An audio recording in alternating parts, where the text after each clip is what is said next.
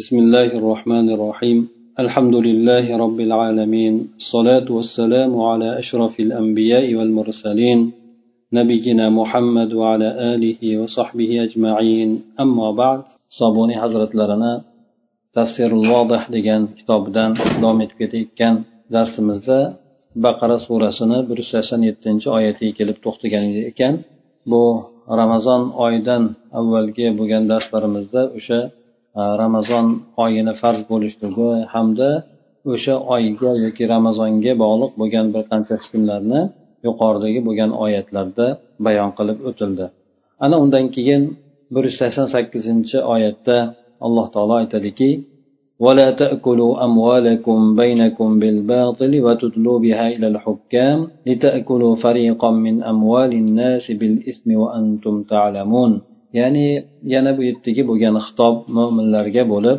yuqoridagi oyatni ya'ni ramazon oyatlarini davomi suratida aytib o'tiladiki sizlar o'rtalaringizda oralaringizda mol mulklaringizni nohaqlik bilan yemanglar. Hamda hokimlarga o'sha mol mulklaringiz sabablik ya'ni odamlarni mol mulklaridan bir juzini yo bir bo'lagini yeyishlaringiz uchun hokimlarga tashlamanglar u narsani. Hokimdan murod bu yerda ko'proq qozilar. Ya'ni bu oyatni nozil bo'lishligi sababida keltirishadiki shu shunday odam haqida aytilganki bir odam bo'ladiki uni zimmasida kimlarnidir qarzi bo'ladi. U odam kimlardandir qarz olgan lekin hujjati bo'lmagandan keyin bu odam inkor qiladi. Hamda o'sha hakam bo'lgan odamga ozgina pora berishlik orqali o'zidan o'sha zimmasidagi bo'lgan haqni inkor etadi. Hamda o'sha qozi bo'layotgan odam uni foydasiga hukm qilib beradi. Mana shunga o'xshagan e, misollarni mufassillar keltirib o'tgan ekan. Demak bu oyatni bu o'rinda keltirilishligini sababi yuqorida halol bo'lgan suratda inson yemak ichmaklarni ramazonda iste'mol qilishlikdan tiyiladi. Garchi halol bo'lgan taqdirda ham. Bu narsaga asosan insonni undirgan narsa taqvo undaydi shuning uchun alloh taolo aytdiki oxir bundan oldingi oyatni tugatgan paytida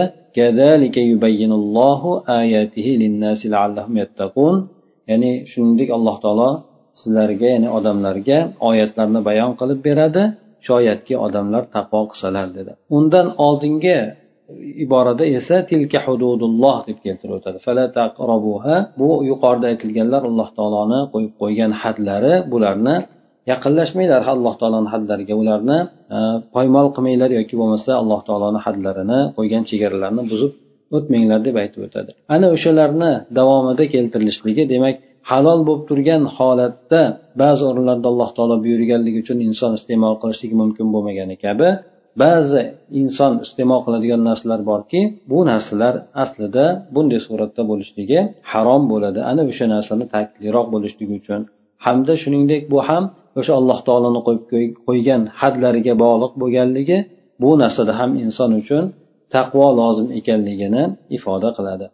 Demak insonlar o'zaro o'rtalaridagi bo'lgan mol mulklarini nohaqlik bilan yeyishliklardan qaytarilyapti. Nohaq bilan yeyishlikni bu yerda turli suratlari bor.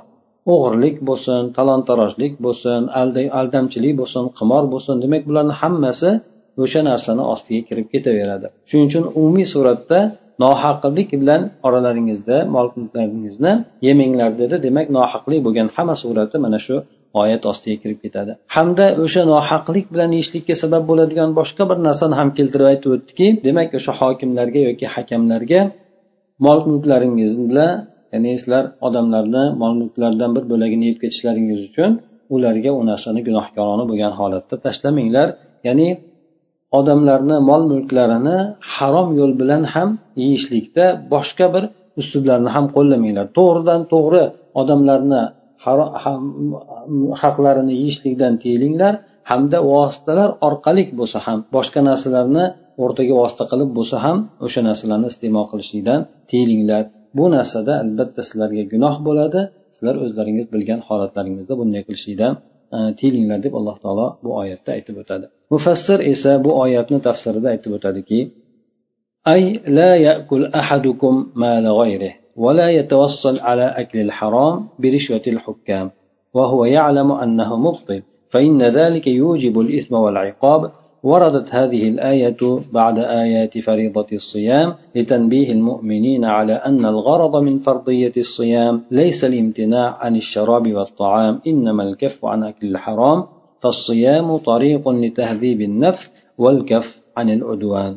Demak yuqoridagi oyatga tafsir berib aytadiki sizlarni birlaringiz o'zgalarni mol mulklarini yemasin. Hamda haromni yeyishlikka hokimlarga yoki hakamlarga qozilarga pora berishlik yo'li orqali vosita ham qilmasin o'shanga erishmasin ham. O'zi o'zi nohaq ekanligini bilgan holatida. O'zini nohaq ekanligini o'sha uni haqqi emasligini bilgan holatida qozilarga pora berib yurib bo'lsa ham yo birovni haqlarini o'ziniki qilib olishlik yoki birovlarni haqlarini ularga bermaslik. Mana shunday bo'lgan uslublarni qilmanglar deb bu yerda aytib o'tadi. Buni keltirilishligi chunki payg'ambar sallallohu alayhi vasallam e, qattiq bir e, hadislarida qattiq keltirib aytadilarki ya'ni men sizlarni aytayotgan dalillaringizga qarab turib hukm qilaman. Sizlar ya'ni ikkita hakam kelib qoladigan e, hasm kelib qoladigan bo'lsa kelishmovchiligi bo'lgan odamlar kelib qoladigan bo'lsa ularni hujjatiga qarab turib hukm qilinadi. Ehtimol birlaringizni hujjat aytishligi yoki gapga ustamonligi g'olib kelib qolar. Ehtimol o'zi nohaq bo'lar. O'sha men uni undan eshitgan narsamga ko'ra hukm qilaman. Lekin qaysi bir odamga nohaqdan bir musulmon odamni haqqini qilib beradigan bo'lsam uni olmasin. Agar oladigan bo'lsa do'zaxdan bir bo'lagini olgan bo'ladi. Xohlasin uni olsin yoki bo'lmasa xohlasa uni tark etsin degan mazmunda payg'ambar alayhisalom aytib o'tadi. Demak insonlar ba'zi odamlarni ko'rasizki gapga ustomonlik qilib o'zini haqqi bo'lmagan bo'lmagan narsani ham o'zini haqqi qilib olishligi mumkin. Ana shunday bo'lgan narsalar ham garchi qozi unga hukm qilib bergan taqdirda ham qozini hukmi asl haqiqatni o'zgartirmaydi.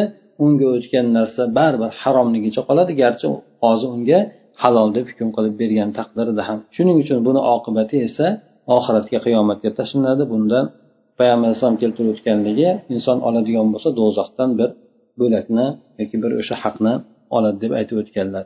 Shuning uchun inson ko'proq o'zi bilgan holatida o'sha pora berib yurib bo'lsa ham birovlarni haqlarini o'ziniki qilishlikka harakat qiladi. Ana o'shanday bo'lgan narsadan qattiq suratda qaytarilyapti bu o'rinda. Albatta bu narsa insonga gunohni keltiradi hamda gunohni orqasidan keladigan jazoni ham keltiradi. Mana bu oyat ro'za oyatlar farz ro'za farzligi oyatlardan keyin kelyapti. Doimki mo'min odamlarga bir ogohlantirma berishlik uchunki ro'zani farz bo'lishligidan bo'lgan maqsad bu faqatgina yemak ichmakdan tiyilishlikni o'zi emas balki haromni yeyishlikdan ham tiyilishlikdir chunki ro'za bu yerda insonni nafsini tarbiyalashlik uchun bo'lgan hamda uni tajovuz qilishlik boshqalarni haqlariga tajovuz qilishlikdan tiyilishligi uchun bo'lgan bir yo'ldir deydi ana undan keyingi oyatda aytib o'tadiki قل هي مواقيت للناس والحج أي يسألك الناس عن الهلال لما يبدو دقيقا مثل الخيط؟ فقل لهم يا محمد صلى الله عليه وسلم إن الحكمة من ذلك أن يعرفكم ربكم أوقات عباداتكم عبادتكم ومعالم دينكم تعرفون وقت الصوم والحج ووقت الزكاة وغير ذلك من معاملاتكم. Sizdan ahilla ya'ni hilol ya'ni ma'lumki bu oyni yangi chiqishligidir. Shu haqida so'raydilar deydi qur'oni karimni bu baqara surasida ham boshqa suralarda ham taxminan bir e, o'ndan ortiq bo'lgan o'rinda yasalunaka degan ibora bilan e, oyat keladi. Ya'ni sahobalar payg'ambar sallallohu alayhi vasallamdan o'zlarini hayotlariga turmush tarzlariga kerakli bo'lgan hukmlarni so'rashganliklari. Mana bu yerda ham o'sha oyni kichayib kattayishligi borib borib yo'qolishligi yana yangitdan oyni chiqishligi mana shu narsalarni haqida buni nima hikmati bor? Buni nima bizni dinimizga aloqasi bor deb turib so'rashadi. Chunki dinimizdan ma'lumki juda ko'p narsalar hilolga bog'lanadi vaqtni belgilashlikda. Albatta payg'ambar sallallohu alayhi vasallam ham yangi dinni olib kelgandan keyin bu ro'zani boshlanishligi bo'lsin ro'zani tugashligi bo'lsin yoki bo'lmasa boshqa juda ko'plab bir vaqtlar borki mana shu narsalarda o'sha hilolga qarab belgilagandan keyin albatta sahobalardan o'z o'zidan tabiiy savol tug'iladiki buni nima hikmati bor? Bunday e, biz o'sha hilolni vaqt qilib belgilab olganligimizni hamda o'zi aslida hilol ya'ni oy kichayib chiqib keyin katta bo'lib yana qisqarib oxiri yana yo'qolib yana yangitdan chiqishligini nima hikmati bor deb so'rashligi tabiiy edi. Ana shunday bo'lgan savolni bular ham berishgan ekan. Shunda payg'ambar sallallohu alayhi vasallam bularni oyni nima uchun bunday bo'lishligidagi bo'lgan hikmatni diniy amallarga bog'lagan holatda javobini aytishlikka alloh taolo buyuradiki ayting bu oyni bunday bo'lishligi bu odamlar uchun juda ko'p vaqtlarni belgilashlik uchundir. Odamlar demak bu yerdan zakotni berishlik bo'lsin ramazon oyini kirishligi bo'lsin chiqishligi bo'lsin yana undan tashqari yana ko'plab amallar uchun insonlar belgilaydigan miqotlar vaqt belgilashlik muddatlari yoki o'sha e, o'lchamlari deb aytib o'tadi. Shuningdek hajni ham. Haj bulardagi asosiy e'tibordagi bo'lgan amal bo'lganligi uchun bu yerda hajni ham belgilashlikdagi asosan hilolga qarab belgilandi deb aytiladi. Odamlar sizdan so'raydiki ya'ni hilol haqida so'raydi. Nima uchun? Bu xuddi ip misoli nozik bo'lgan suratda ko'rinadi. Ya'ni yangi hilol deb turib o'zi aslida yangi oyni chiqishligini aytib o'tadi. Shunda ey muhammad sallallohu alayhi vasallam ularga aytingki albatta bunday bo'lgan hikmat robbingiz ya'ni robbilaringiz sizlarga ibodat vaqtlaringizni dinlaringizni asosan belgili bo'ladigan o'rinlarini sizlarga tanishtirib beradi. Hamda sizlarga mana ro'za vaqtini bo'lsin haj vaqtini bo'lsin zakotni farz bo'lishlik vaqti bo'lsin bundan boshqa sizlarni muomalalaringizdagi bo'lgan vaqtlar bo'lsin. Ana o'sha narsalarni hammasini sizlar mana shu oyni chiqishligi orqali bilib olasizlar deb aytib o'tadi.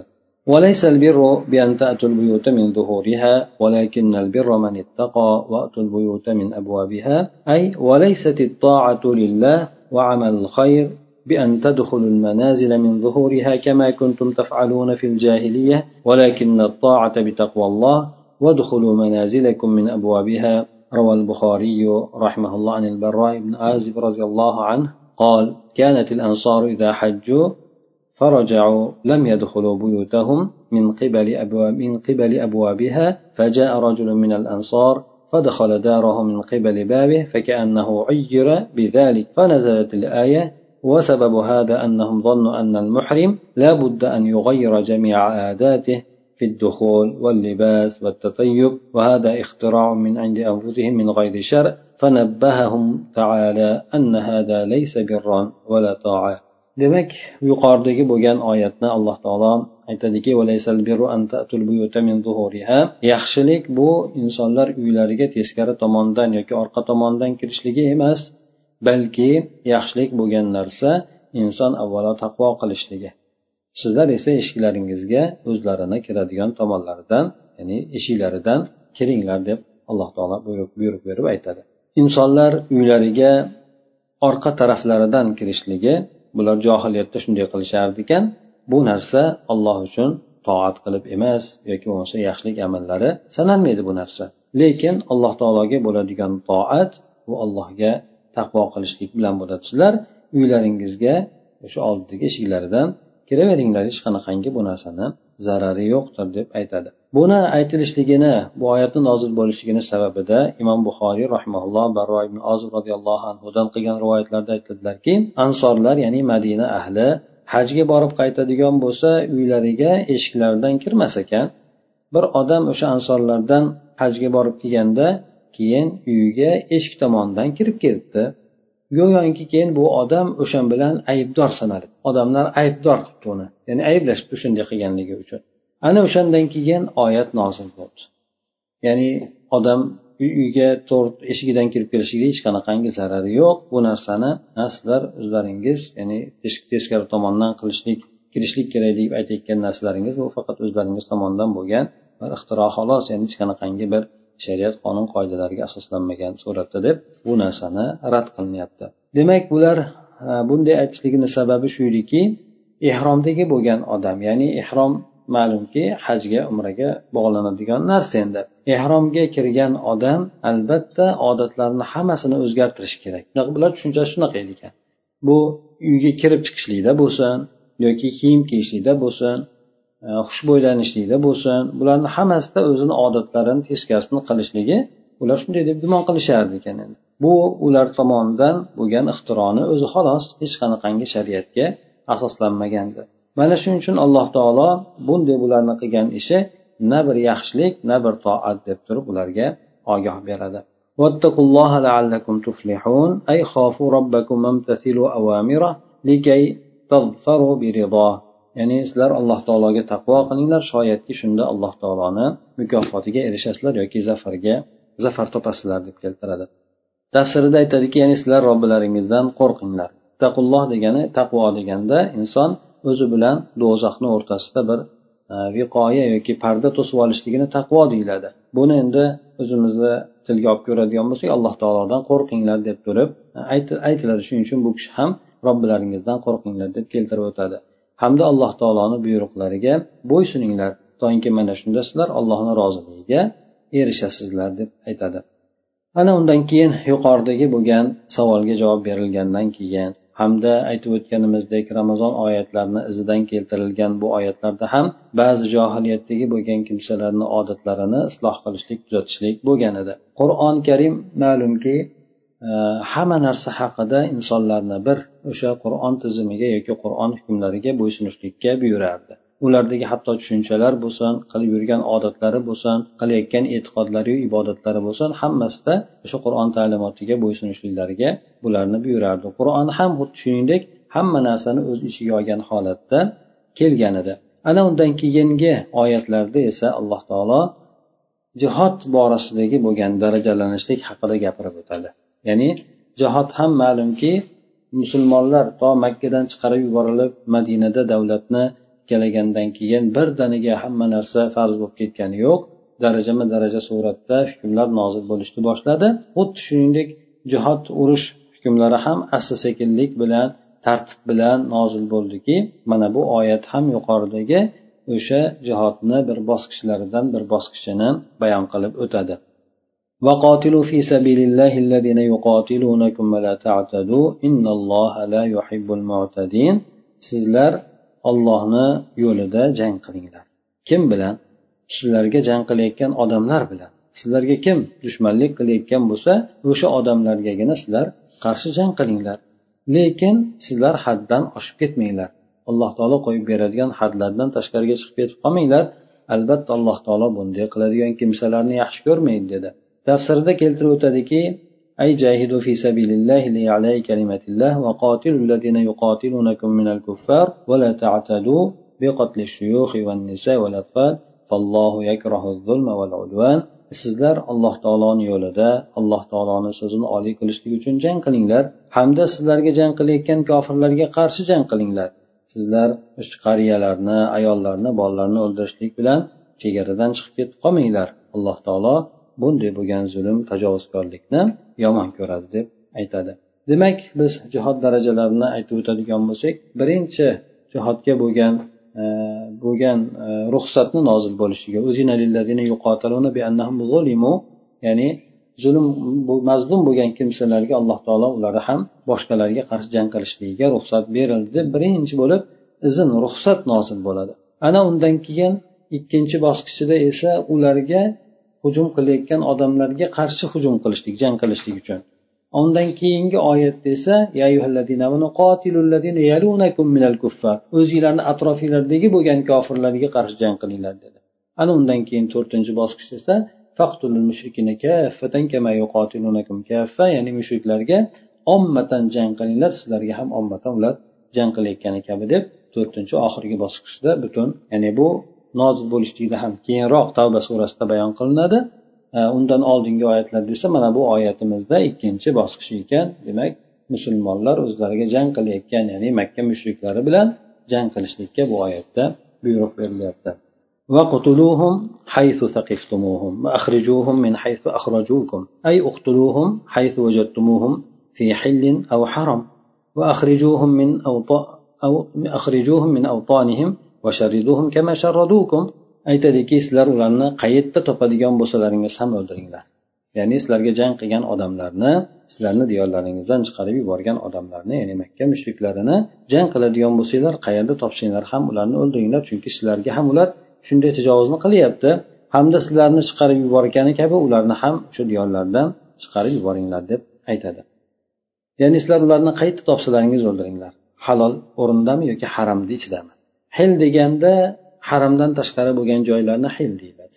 Haramni esa ma'lumki makka mintaqasini o'zini territoriyasi bor. U yerda insonlar bir odamni o'ldirishligi yoki bo'lmasa hattoki daraxtni kesishligi ov qilishligi shu narsalar ham qat'iyan man qilinadi. Nafaqat masjidni ichida balki haram mintaqasida haram mintaqasi o'sha makkani katta bir qismini o'z ichiga oladi. Ana o'shani ichida topgan taqdirlaringizda ham ularni o'ldiringlar. Chunki bular sizlarga tajovuz qilgan odamlar yana undan keyin ularni ham o'zlarini vatanlaridan chiqarib tashlanglar ularni ham quvg'in qilinglar ular sizlarni shunday quvg'in qilgani kabi deydi demak musulmonlarni ular quvg'in qilib chiqarib tashlagan edi alloh taolo tomonidan bo'lgan buyruq keyinchalik bu amalga oshiriladi ularni ham diyorlaridan quvib chiqarishlikka aytilyapti أي فتنة المؤمن عن دينه وإشراكهم بالله في الحرم أشد من قتلكم إياهم فيه نزلت هذه الآيات لما صد المشركون رسول الله صلى الله عليه وسلم وأصحابه عام الهديبية عن دخول مكة وقد جاءوا معتمرين فصدهم المشركون عن دخول مكة فتنة bu odamlarni dindan fitnalashlik o'ldirishlikdan ko'ra yomonroq deydi demak odam o'ladigan bo'lsa musulmon bo'lib mo'min bo'lib o'ladigan bo'lsa oqibati yaxshi bo'laveradi lekin uni dindan fitnalab chiqarib tashlashlik uni o'ldirishlikdan ko'ra og'irroq qattiqroqdir Ana o'sha narsani alloh taolo bu yerda bayon qilyapti. Mo'min odamni dinidan fitnalashlik hamda haramni ichida ham ya'ni haram o'zgarishi muqaddas bo'lgan joy ana o'sha yerda ham alloh taologa shirk keltirishlik. Bu narsalar sizlar ularni o'ldirishliklaringizdan ko'ra ya'ni musulmonlar o'sha kofirlarni o'ldirib qo'yishligidan ko'ra qattiqroq bu narsani aytinglar dedi. Bu oyatni nozil bo'lishligini sababi keltirib o'tishadiki bu yerda bir sababini ham keltirib o'tyapti. Mushriklar rasululloh sollallohu alayhi vasallamni ham sahobalarini hudaybiya yilida makkaga kirishlikdan to'sgan paytlarida bular o'zi aslida imra qilgan imra qilishlik maqsadida kelgan edi urush qilishlik emas. Shunda mushriklar ularni makkaga kirishlikdan to'sib qo'ygan edi. Ha bu bir o'sha oyatni haqida aytilgan narsa. Ya'ni musulmonlar bu yerga kelishdida hudaybiya o'sha makkaga payg'ambar alayhissalom e, umra qilayotganligini tush ko'rgandan keyin sahobalar bilan otlanib kelishgan paytida makkani bo'sag'asida ya'ni makkaga juda yam yaqin qolgan joyda hudaybiya degan mintaqada o'sha yerda mushrik ular to'xtab qoladi mushriklar makkaga makkaga ularni qo'ymaydi. Ana o'shandan keyin bular demak e, haramga kirib ibodat qilishlikdan musulmonlarni mushriklar to'sadi. Mana shunday to'sishligi ham bu o'ldirishlikdan ko'ra og'irroq o'ldirishlik nimaga ishora qilinyapti desa abdulloh ibn jahsh roziyallohu anhuni guruhi bo'lgan edi. Bu kishini o'sha sariyasi mushriklardan birisini haram oyi kirganligini ashhurul hurum deydi haram oyi kirganligini bilmasdan o'ldirib qo'yadi. Chunki haram oyida o'ldirishlik og'ir sanaladi endi mumkin emas. Urush qilishlik ham mumkin emas. Shu narsani u kishi bilmasdan turib u kishini jamoasidagilar bir mushrikni o'ldirib qo'yadi. Ana undan keyin o'ldirgandan keyin katta bir shov shuv gap tarqalib ketadiki bular o'sha harom oyini hurmatini buzishdi. Chunki ular juda ham ulug'lashardi harom oy harom oylarda. Mana uni buzishdi musulmonlar bular alloh taoloni allohni aytganlarini ulug'laymiz deydiyu lekin alloh taolo hurmat qilib qo'ygan muqaddas qilib qo'ygan oyni buzishdi deb juda katta bir fitna gap tarqatishgan paytida mana bu yuqoridagi bo'lgan oyat nozilladi to'g'ri musulmonlar harom oyida bir o'ldirib qo'ydi lekin sizlar qilayotgan ishlar musulmonlarni dindan fitnalayotganlaringiz ularni qilgan ishidan ko'ra og'irroq bo'ladi qattiqroq bo'ladi. Aslidagi sizlarni o'zlaringizga qaytadi chunki sizlar qilayotgan ishlar ularni ishidan ko'ra og'irroq edi qattiqroq edi deb aytib o'tadi. Sizlar ularga qarshi masjidil haromda ya'ni masjidi harom kaba. Kaba kaba atrofida ularga qarshi jang qilmaydi. Hatto ular o'zlari sizlarga jang qilgunigacha dedi.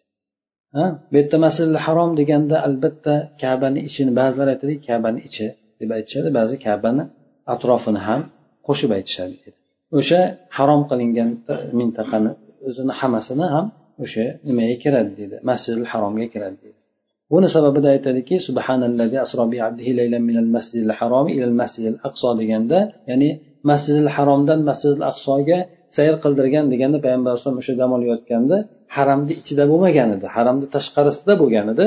Shuning uchun masjidil haromdan deb aytdi. Masjidil harom deganda faqatgina kabani ichinigina shu atrofigina shu masjidni ichigina aytmaydi balki atrofidagi bo'lgan haram mintaqasini ham aytiladi degan mazmunda aytishganki shunda ya'ni haromni kabani ichidagina emas balki harom qilingan mintaqani hammasida ularga qarshi jang qilmanglar hatto ular o'zlari jangni boshlamagunigacha deb aytib o'tadi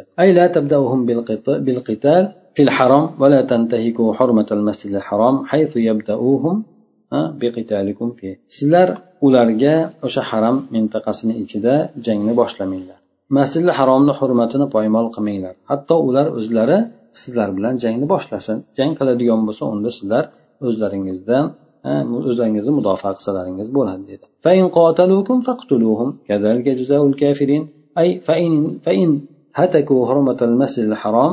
فبدأوكم بالقتال فيه فلكم حينئذ قتالهم لأن البادئ بالشر أظلم وهذا جزاء الكفرة المجرمين agar endi ular masjidi haromni hurmatini poymol qiladigan bo'lsa sizlarga qarshi jang qilishlikni ular o'zlari boshlaydigan bo'lsa ana unda endi sizlar ularga qarshi jang qilishlaringiz sizlarga mumkin bo'laveradi. Yomonlikni boshlagan odam zolimroq bo'ladi zulmkorroq bo'ladi. Mana bu narsa esa o'sha ular hujum qilganda sizlar qaytadan hujum qilib ularni ular bilan jang qilishlaringiz ularni o'ldirishlaringiz bu kofir bo'lgan jinoyatkor bo'lgan kimsalarni jazosi bo'ladi dedi.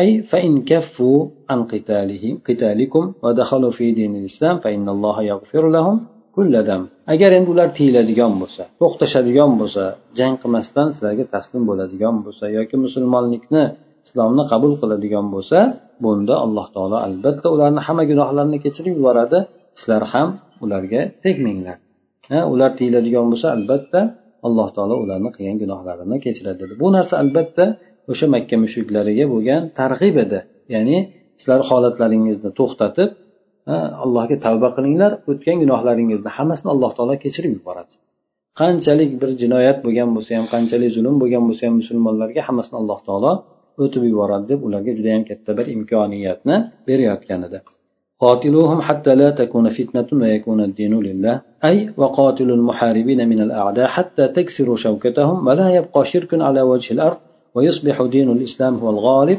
العالي على سائر الأديان سلر o'sha sizlarga qarshi jang qilayotgan dushmanlarga qarshi jang qilinglar hattoki ularni kuch quvvatini ham sindiringlar toinki bu yerda yer yuzida bironta bir shirk qolmasin islom dini butun dinlarni ustidan oliy bo'lgan g'olib bo'lgan bo'lib qolishligi uchun deydi demak alloh taolo bu oyatda jang qilishlikka buyurdi islomdagi bo'lgan jihod jihodni ham g'oyasi shudir G'oyasi yerda fitna to'xtalishligi. Fitna musulmonlarni dinidan to'xtatishlikka bo'lgan harakat.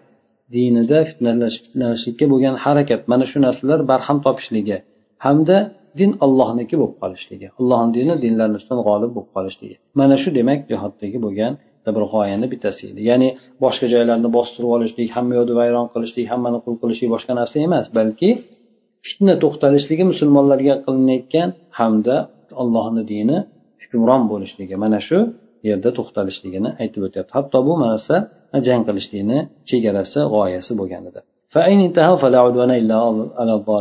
agar ular tiyiladigan bo'lsa bunda hech kimga tajovuz qilmanglar. Faqat zolimlar bo'ladigan bo'lsa bular istisno qilinadi dedi. Ay fa in intahaku anish shirk intahav anish shirk fakaffu an qitalihim faman qatalahum ba'da zalik fahuwa zalim.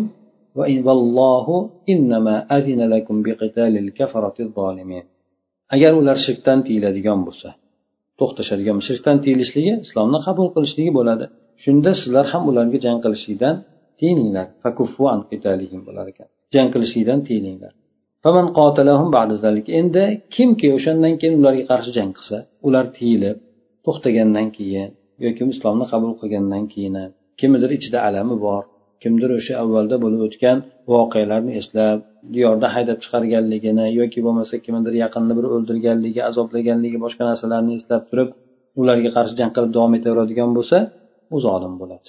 Garchi musulmon bo'lgan bo'lsa musulmon o'sha ishni qilayotgan bo'lsa ham u zolim bo'ladi. Sababi yuqorida aytib o'tgandek ular tiyilib islomni qabul qilgan to'xtagan. Demak musulmonlar ahdga birinchidan vafo qiluvchi hamda o'sha odam islomni qabul qiladigan bo'lsa unga qarshi jang qilishlikdan tiyiluvchi kimsalar bo'ladi alloh taolo sizlarga o'sha kofiru zolimlarga jang qilishlikka izn bergan xolos ular to'xtab islomni qabul qiladigan bo'lsa albatta to'xtashlaringiz shart bo'ladi الشهر الحرام بالشهر الحرام والحرمات قصاص فمن اعتدى عليكم فاعتدوا عليه بمثل ما اعتدى عليكم واتقوا الله واعلموا أن الله مع المتقين. أي إذا قاتلوكم في الشهر الحرام واستحلوا دماءكم بالقتال فيه وهتكوا حرمته فلا إثم عليكم أن تقاتلوهم فيه وأن تردوا عدوانهم بالمثل. فالشهر الحرام بالشهر الحرام وهتكه بهتكه واتقوا ربكم بالبدء بالعدوان واعلموا أن الله ناصركم عليهم لأن الله مع المتقين.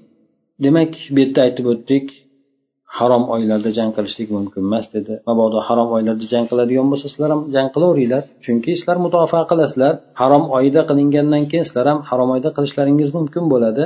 Hurmatlarda ham alloh taoloni muqaddas qilib qo'ygan narsalarda ham albatta qasos bor. Chunki ular jang qilsayu sizlar oyni hurmatini qilib tek turadigan bo'lsalaringiz unda sizlarni qirib yuboradi. Shuning uchun ulardan qasos olasizlar bu borada. Endi sizlar kimki sizlarga qarshi tajovuz qiladigan bo'lsa dushmanlik qiladigan bo'lsa sizlarga o'sha qilingan dushmanlikni muqobilida barobarida sizlar ham ularga tajovuz qilsalaringiz yoki dushmanlik qilsalaringiz bo'ladi dedi. Ya'ni musulmonlarga qilingan tajovuz o'shani barobarida qaytarilishligi mumkin oshiqcha qilib emas. Alloh taolodan bu borada qo'rqinglar dedi. Chunki alloh taolo sizlarni kuzatib bilib turgan zot albatta bilinglarki alloh taolo kim taqvodor bo'ladigan bo'lsa allohni aytgan hadlarda to'xtaydigan bo'lsa o'sha kishilar bilan birgalikda bo'ladi o'shalarni yaxshi ko'radi. Ya'ni agar sizlar harom oyda sizlarga qarshi ular jang qiladigan bo'lsa qonlaringizni o'sha jang qilishlik bilan halol sanashadigan bo'lsa bu harom oyini hurmatini ham poymol qilishadigan bo'lsa ana unda sizlar ularga qarshi jang qilishlaringizda gunoh yo'q endi. Ularni tajovuzini o'sha muqobilda qaytarishlaringizda hech qanaqangi gunohi yo'qdir. Harom oyi harom oyini muqobilda bo'ladi. Chunki ular harom oyni buzsa demak sizlar ham buzishlaringiz kerak bo'lib qoladi. Ular o'shani poymol qiladigan bo'lsa sizlar ham poymol qilishlaringiz mumkin bo'lib qoladi bu o'rinda lekin sizlar o'sha tajovuzni boshlashlik bilan boshlashlikda robbilaringizdan qo'rqinglar. Sizlar boshlamanglar.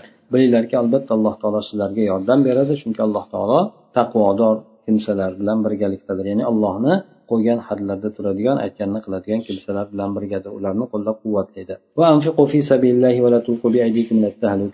أي أنفقوا لنصرة دين الله في الجهاد وسائر وجوه البر والإحسان ولا تبخلوا بالإنفاق فإن ذلك يقوي الأعداء ويسلطهم عليكم فتهلكوا فالتهلكة هنا ترك الغزو وعدم الإنفاق في سبيل الله كما قاله أيوب أيوب الأنصاري رضي الله عنه وانظر قصته في سنن الترمذي وأحسنوا إن الله يحب المحسنين ya'ni undan keyin oyatga aytib o'tadiki alloh taolo va anfiqu fi sabilillahi va la tulqu bi aydikum tahluka allohni yo'lida infoq qilinglar chunki kurash jihod bo'lgandan keyin albatta mol dunyoga birinchi o'rinda muhtoj bo'ladi bu kurashda shuning uchun musulmonlarga xitob qilib sizlar allohni yo'lida infoq qilinglar dedi. O'zlaringizni infoqni to'xtatishlik bilan halokatga tashlab qo'ymanglar. Ya'ni sizlar allohni diniga yordam berishlik uchun jihod bo'lsin yoki boshqa yaxshilik ehson yo'llarida bo'lsin allohni diniga yordam berishlik uchun infoq qilinglar. Infoq qilishlikda baxillik qilmanglar. Chunki sizlar baxillik qilib qoladigan bo'lsalaringiz bu narsa dushmanni quvvatlab qo'yadi. Dushman esa sizlarni ustlaringizga bu narsa dushmanni hukmron qilib qo'yadi. Mana shunda sizlar halokatga duchor bo'lib qolasizlar. Mana bu yerdagi halokat bu g'azvni jang qilishlik tarqalishlik ollohni yo'lida infoq qilmaslikdir. Buni abu ayyub ansor roziyallohu anhu o'zlarini e, o'sha oyatni tushunchasi bo'yicha aytgan gaplari bor. Buni qissasini esa termiziy sunanlarida qarab o'qinglar deydi. Ya'ni bu kishiga nisbatan o'sha e, oldilarida o'sha oyatni keltirib boshqa o'rinda ya'ni aytganligi ya'ni bir musulmonlarni birisi jang vaqtida dushmanni ichiga otilib kirib o'sha joyda ya'ni yolg'iz o'zi otilib kirib o'sha joyga kirib ketgan paytida ya'ni qal'ani eshigini ochishlik uchun yoki bir muhim bir vazifani bajarishlik uchun odamlar aytishadiki bu odam o'zini halokatga urdi. Alloh taolo aytgan o'zinglarni halokatga urmanglar degan bu odam demak o'zini halokatga urdi deganda yo'q sizlar unday tushunmanglar deydi. Bu oyat biz haqimizda nozil bo'lgan ya'ni hamma narsa yaxshi bo'lib qolib urushga ham odamlar tayyor bo'lib qolgandan keyin o'zimizga aytdik kelinglar endi tijoratlarimizni o'nglab endi odam jang qiladigan odamlar bor ekan endi ya'ni dunyo ishlarimizni ham to'g'irlab olaylik deb shu ishga o'zimizcha bir fikr qilib maslahat qilib ba'zi odamlar gaplashgan edik. O'shandan keyin mana shu oyat nozil bo'ldi. Ya'ni biz o'zaro kurashni yoki jihodni tashlab o'zimiz dunyo ishlariga berib ketishligimizni berilib ketishligimizni o'zlaringizni halokatga urmanglar deb kelgan deb turib ularga tushunchasini to'g'irlab qo'yadi demak u nariga kirgan odam esa qahramonlik qildi ya'ni o'zini halokatga urgani yo'q degan maqsadda aytadi أي أحسنوا في جميع أعمالكم فإن الله يحب الأسخياء يحب كل محسن بقوله وماله وعمله sizlar ehson qilinglar albatta alloh taolo ehson qiluvchilarni yaxshi ko'radi ya'ni hamma ishlaringizda ehson qilinglar ehson degani amalni puxta bajarishlikda ham aytiladi bir inson amalni puxta chiroyli bajaradigan bo'lsa ya'ni chiroyli bir suratda bajarsa o'sha narsani ehson qildi ham deb aytiladi. Shuning uchun hamma amallaringizda ehson qilinglar. Alloh taolo sahiy bo'lgan kimsalarni yaxshi ko'radi. Har bir muhsin bo'lgan ya'ni amallarni puxta chiroyli qiluvchi bo'lgan odamlarni yaxshi ko'radi. So'zi bilan bo'lsin mol dunyosida bo'lsin yoki qolgan bironta bir qiladigan ishida bo'lsin. Hammasida puxtalik bilan qiladigan odamni alloh taolo yaxshi ko'radi deb aytib o'tadi. demak yuqoridagi bo'lgan oyatlar musulmonlarni bir qancha odatlariga aloqador bo'lsin yoki bo'lmasa ibodatlariga yoki kurashlariga dushmanlar bilan bo'lgan muloqotlariga muomalalariga aloqador bo'lsin mana shular haqida ko'rsatmalar berib o'tdi سبحانك اللهم وبحمدك نشهد أن لا إله إلا أنت نستغفرك ونتوب إليك اللهم انفعنا بما علمتنا وعلمنا ما ينفعنا وزدنا علما